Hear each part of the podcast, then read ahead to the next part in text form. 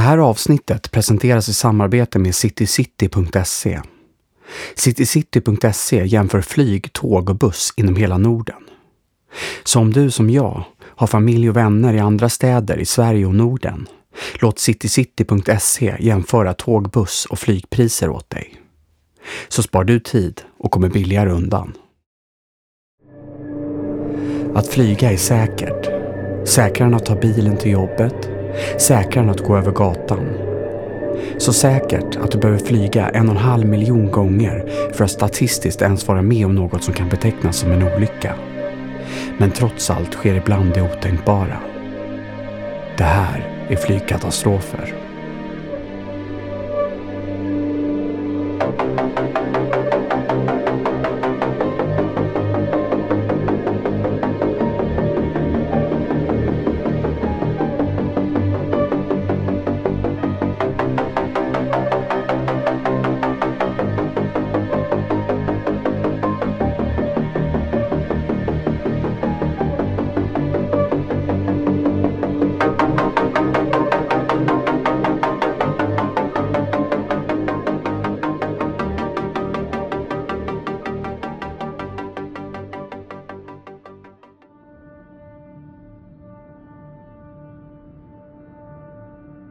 I november 2012 har filmen Flight premiär. Denzel Washington spelar en alkoholiserad pilot som under en flygning förlorar kontrollen över sitt plan. Planet dyker okontrollerat och Denzels karaktär, piloten Whip Whittaker, tvingas för en stund flyga upp och ner för att återfå kontrollen och kunna nödlanda. Kanske har du sett filmen? Men antagligen visste du inte att filmen har inspirerats av en sann historia som tar sin början 12 år tidigare. En historia som inte slutade lika lyckligt. Det är morgon den 31 januari år 2000. På hotellen i badorten Puerto Vallarta i Mexiko gör sig 83 passagerare i ordning för att ta sig till Luis Diaz Ortas internationella flygplats. Om några timmar ska de båda Alaska Airlines flight 261 som ska ta dem till Seattle i USA. En mellanlandning är planerad i San Francisco. Planet som ska ta emot dem är en åtta år gammal McDonnell Douglas MD-83. MD-83 introducerades 1980 och är en större, kraftfullare och modernare variant av Douglas DC-9. Vid tiden en av världens mest populära flygplanstyper. MD-83 går lätt att känna igen på sitt unika utseende. De två motorerna är monterade längst bak på flygplanskroppen och stjärtvingen är av en så kallad T-tail-typ. Stjärtvingen har fått sitt namn från sitt utseende. Den horisontala vingen är inte monterad vid flygplanskroppen som på de flesta andra flygplanstyper utan högst upp på stjärtfenan. Det gör att den ser ut som ett T. T-stjärtvingen togs fram för ökad aerodynamik och bättre kontroll vid låga farter. Men konstruktionen har också sina problem. Bland annat kommer det visa sig att det är lättare att få en så kallad stål eller överstegring med en T-stjärtvinge. En överstegring är när vinkeln blir för kraftig vid till exempel en stigning. Detta får till följd att ett flygplan tappar lyftkraft och sjunker istället för att lyfta. Dessutom ska det visa sig att T-stjärtsvingens konstruktion gör den svår att underhålla. Alaska Airlines är det första flygbolaget att flyga MD-83. Flygbolaget grundades 1932 och har sin bas i Seattle. Alaska Airlines är vid den här tiden ett av USAs största flygbolag och är kända för sin innovationsförmåga, både inuti och utanför själva flygplanen. Bolaget är bland annat först med att installera hjärtstartare, GPS och ett avancerat markvarningssystem.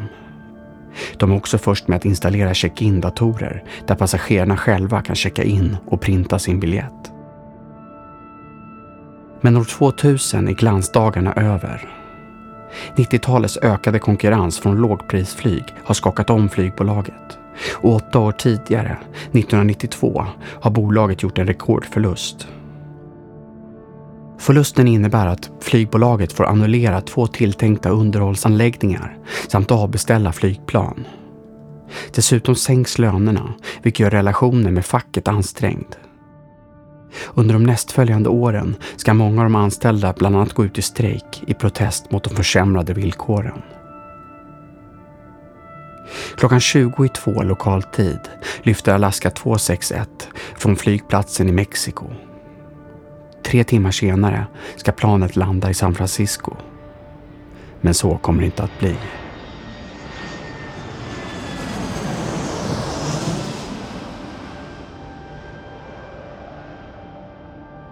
Kapten ombord på flight 261 heter Ted Thompson. Styrman är Bill Tansky. De är rutinerade piloter. Kapten Thomson har över 17 000 flygtimmar bakom sig, varav 4 000 är ombord på MD-83.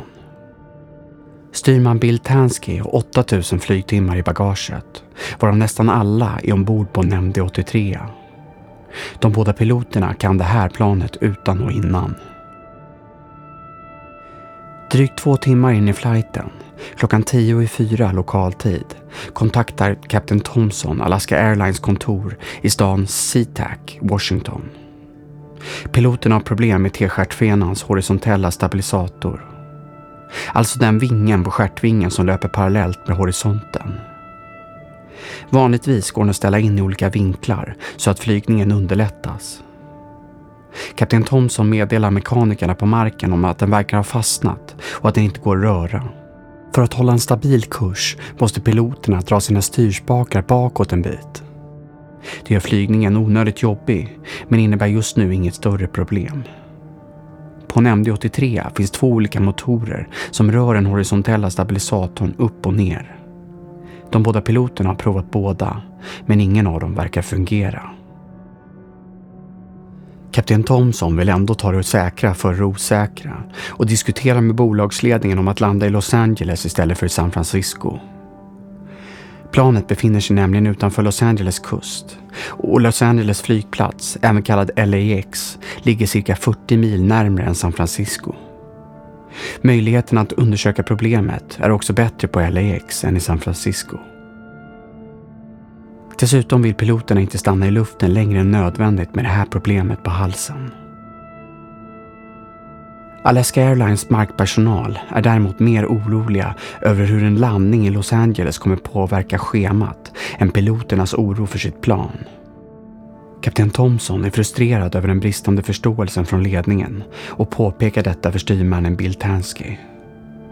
Till slut kommer piloterna ändå överens med ledningen om att landa på LAX. Piloterna ombord på Alaska flight 261 fortsätter att försöka få den horisontella stabilisatorn att fungera. I cockpit för de spakarna som styr stabilisatorn upp och ner för att försöka få stabilisatorn att lossna från sitt låsta läge.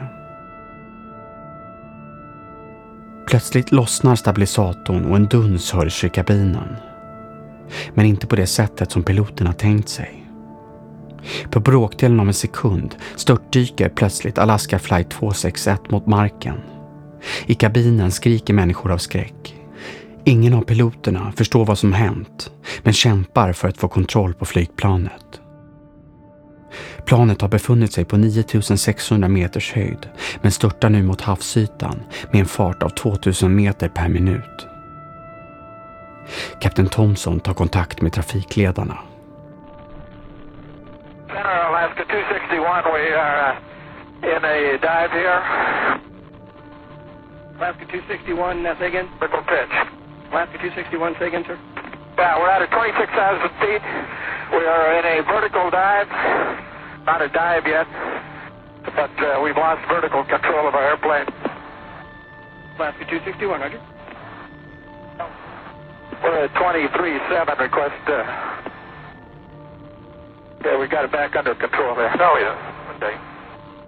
De båda piloterna drar sina flygspakar med allt vad de är värda bakåt mot kroppen. Det är en otrolig kraftansträngning. Men efter en dryg minut har de fått planet stabilt igen. Men färden ner har varit fruktansvärd. På 80 sekunder har planet tappat 2500 meter i höjd. Kapten Thomson kontaktar trafikledarna igen. Han meddelar att piloterna lyckats stoppa dykningen och att planet uppför sig någorlunda stabilt igen. at 24,000 feet, kind of stabilized. We're slowing here, and uh, we're to uh, do a little troubleshooting. Can you give me a block between uh, 20 and 25? Alaska 261, maintain block altitude by level 200 through by level 250. Last 261, we'll take that block. We'll be monitoring the fleet. Kapten Thomson ber om en block mellan 7000 och 6000 meters höjd. Det innebär att ett flygplan kan röra sig fritt mellan de höjderna utan att riskera att möta ett annat flygplan.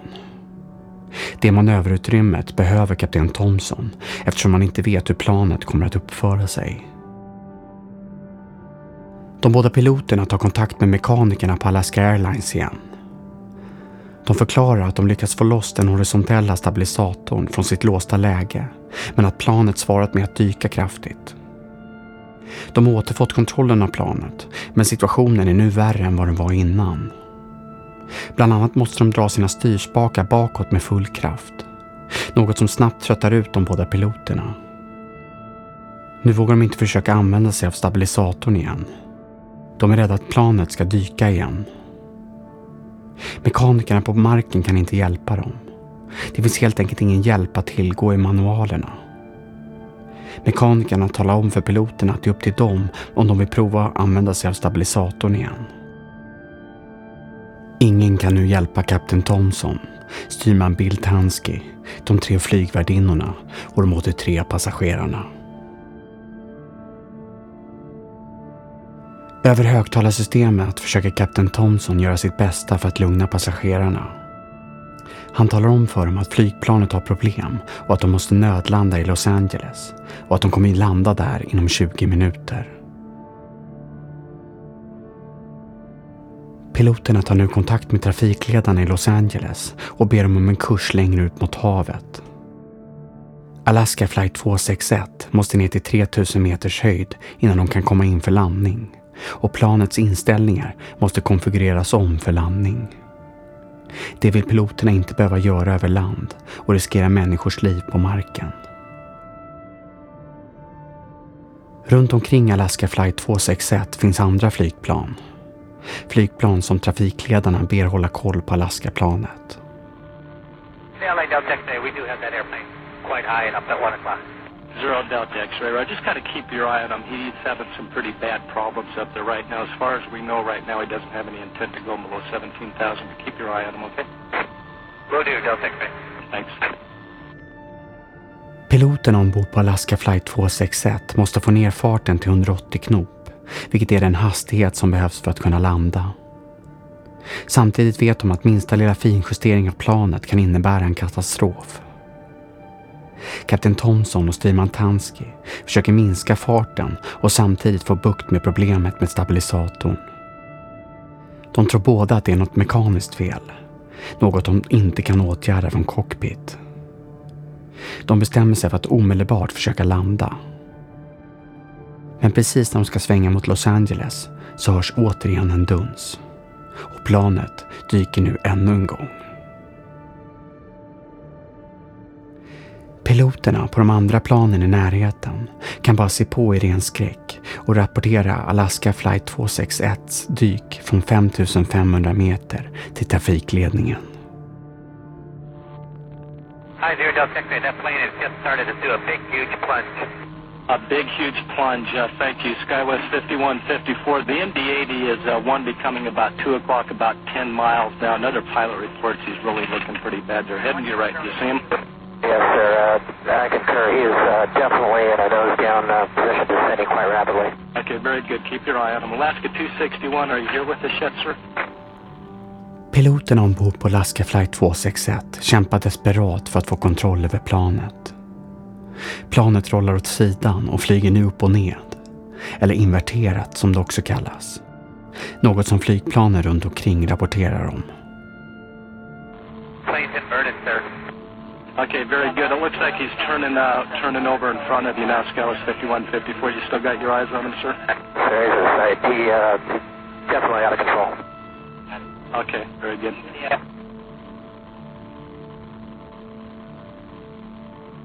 Yeah, he's inverted. He's, okay. uh, just do what you need to do there, Skywest 5154. Keep us advised. Piloterna tror fortfarande att det går att rolla planet ut ur dykningen. Men de enorma G-krafterna i cockpit gör det svårt för kapten Thomson och hans styrman att nå sina kontroller. Men under hela vägen ner mot havsytan slutar de aldrig att försöka få kontroll på planet. Det sista kapten Thomson säger innan planet slår i vattnet är Nu åker vi.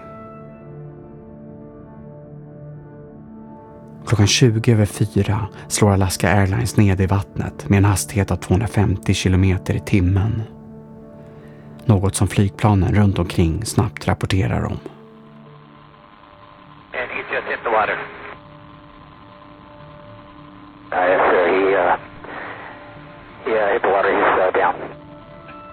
Okay. And for position, I'm right abeam of 50 Delta X-ray. Yeah, we, we ha- he just now hit it. We have the spot marked right here. Thanks, guys. American 161, contact center on 126.52. 26.152, American 161. Center, he's about uh, two and a half miles off the end of Anacapa, just uh, towards Point Mugu. Okay, it's about two and a half miles off the east end of Anacapa, was it? Sir, that's affirmative. Actually, he's up the, uh, the northeast end, probably a 030 heading off Anacapa. There was a boat that doesn't seem to be turning around right next to him. Uh, roger that. Uh, Räddningshelikoptrar från den amerikanska kustbevakningen är snabbt på plats och kan snart konstatera att ingen av de 88 ombord har överlevt kraschen.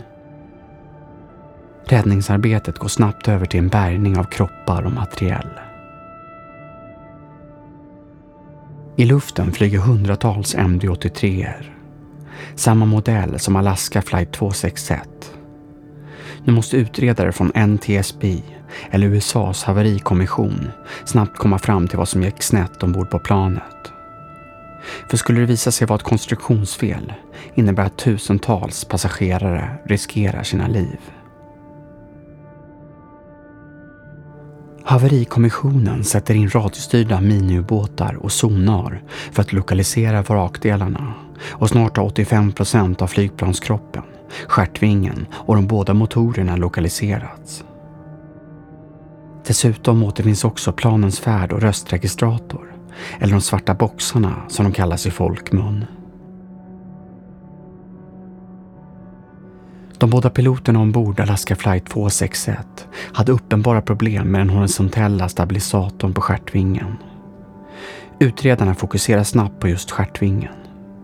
Och i synnerhet på den anordning som hjälper till att hålla stabilisatorn på plats. Den hålls på plats och justeras med hjälp av en jätteskruv. Varje gång piloterna vill höja eller sänka stabilisatorn så roterar skruven genom en låsanordning som hålls på plats av en mutter. Likt alla typer av skruvar så finns det djupa skåror eller trådar som gör att skruven hålls fast och roterar genom låsanordningen och muttern på ett smidigt sätt. Det här är inte annorlunda än en vanlig skruv som används för till exempel hemmabruk. Skillnaden här är att skruven monterad på ett flygplan som MD-83 används dagligen och måste underhållas och smörjas på rätt sätt för att bibehålla sin livslängd. När utredarna undersöker den här skruven så får de den första ledtråden till vad som kan ha orsakat kraschen. Skruvens fåror, eller trådar, är nedskavda och hänger lösa. Men hur uppstår problemen med skruven? Tekniskt underhåll ska ju göras med jämna mellanrum och utslitna delar ska vara utbytta långt innan de fallerar. Utredarna skiftar sin uppmärksamhet till Alaska Airlines underhållsavdelning. De går igenom när och hur mekanikerna senast hade sin inspektion av stjärtvingen. De upptänker att underhållet på planet var gjort med regelbundna och korrekta intervall. Men ändå hade skruven slitits ut. Normalt slitage på en sån här skruv är 0,025 mm per tusen flygtimmar. Utredarna räknar ut att skruven på Alaska Airlines flight 261 slitits ut mycket snabbare, eller med 0,3 mm per tusen flygtimmar. Utredarna finner att en ny typ av smörjmedel används, Men detta utesluts snabbt som orsak.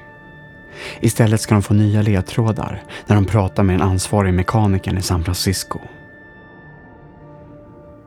För att inte skruven ska slitas så fort måste den smörjas in med jämna intervall. Detta är en process som enligt tillverkaren av planet, McDonnell Douglas, ska ta uppåt fyra timmar per gång. Men enligt Alaska Airlines mekaniker tog insmörjningen i september 1999 bara en timme. En alldeles för kort tid för att den ska bli ordentligt insmord, enligt utredarna. Och utan ordentlig smörjning slits skruven ut alldeles för fort. Mekanikerns berättelse gör att utredarna fortsätter att undersöka Alaska Airlines rutiner för underhåll. De finner att flygbolaget mellan 1985 och 1996 successivt ökat intervallerna för underhåll med FAAs goda minne. FAA är USAs motsvarighet till Luftfartsverket. Dessa nya intervall blev godkända på grund av Alaska Airlines felfria underhållsrapporter som de skickat in till FAA. Men när utredarna intervjuar personer på Alaskas underhållsavdelning ska de få oroande nyheter.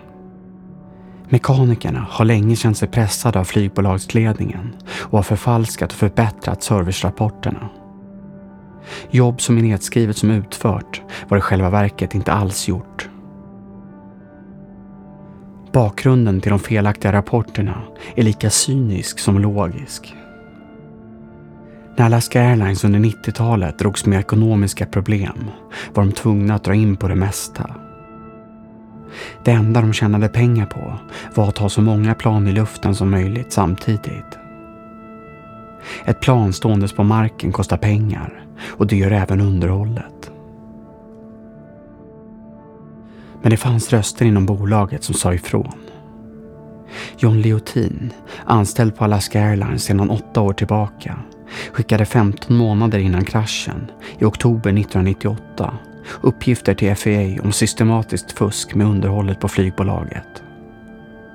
Enligt John Liotin skickades flygplan upp i luften istället för att vänta på nya reservdelar och chefer pressade de anställda att släta över problem med planen. Han var rädd att något fruktansvärt skulle kunna inträffa. Några månader senare slog myndigheterna till mot Alaska Airlines. De hittade mängder av bevis för manipulerade underhållsrapporter och flygbolaget fick böta ett stort belopp. Däremot blev ingen på flygbolaget åtalad för felen som begåtts.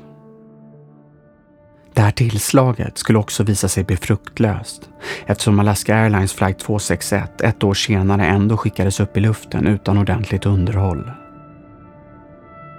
Ingen chef på flygbolaget kom heller att ställas till svars. Istället fick visselblåsaren, John Leotin, sparken från bolaget. Efter ett drygt år av utredning kan NTSB presentera sin rapport. Den felaktigt underhållna och icke insmorda skruvanordningen gör att den horisontella stabilisatorn fastnar. När de båda piloterna ombord Alaska Flight 261 försöker få den krånglande stabilisatorn att lossna genom att röra den upp och ned förvärrar de ovetande situationen istället för att lösa den. När skruven rörs upp och ned nöttes den tills den inte längre hade några trådar kvar. Till slut är den så pass lät att den inte kan hållas kvar på plats med hjälp av låsanordningen och muttern. När skruven rubbas ur sitt läge dök planet för första gången. Det enda som nu håller stabilisatorn på plats är muttern. Som inte är designad för att motstå trycket det nu blir utsatt för.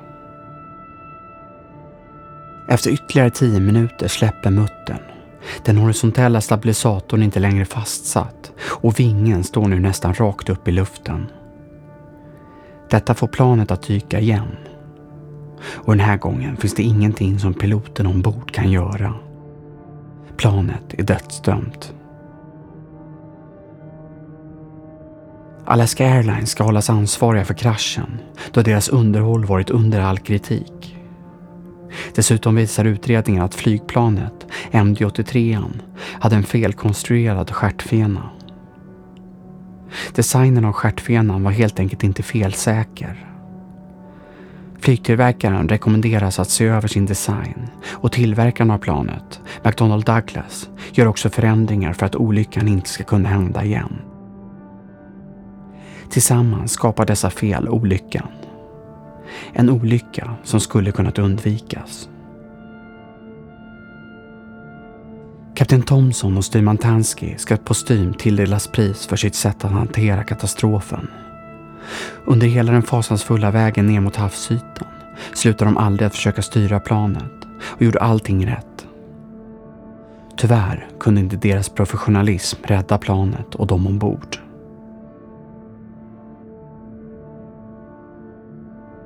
Det här avsnittet dedikeras till alla offer och anhöriga samt piloterna på Alaska Airlines flight 261. Nästa avsnitt av flygkatastrofer kommer näst nästa måndag. Tack för att ni lyssnade.